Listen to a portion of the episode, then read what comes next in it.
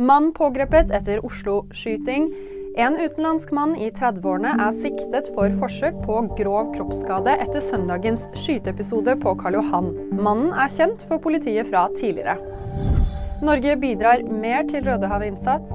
Bidraget består av å sende flere stabsoffiserer for å sikre sivil skipsfart i Rødehavet. Det er jo veldig alvorlig. Utrolig viktig at uh, det blir kontroll på situasjonen og at uh, angrep på skipsfarten blir stoppa. Det sier forsvarsminister Bjørn Arild Gram til VG. Det har vært flere alvorlige hendelser i Rødehavet det siste døgnet, og også USA kaller nå inn til et hastemøte som følge av den tilspissede situasjonen. Enighet om Fosen-avtale. Vindkraftutbyggere og reineiere på Sør-Fosen i Trøndelag er kommet til en enighet. Det opplyser Olje- og energidepartementet mandag.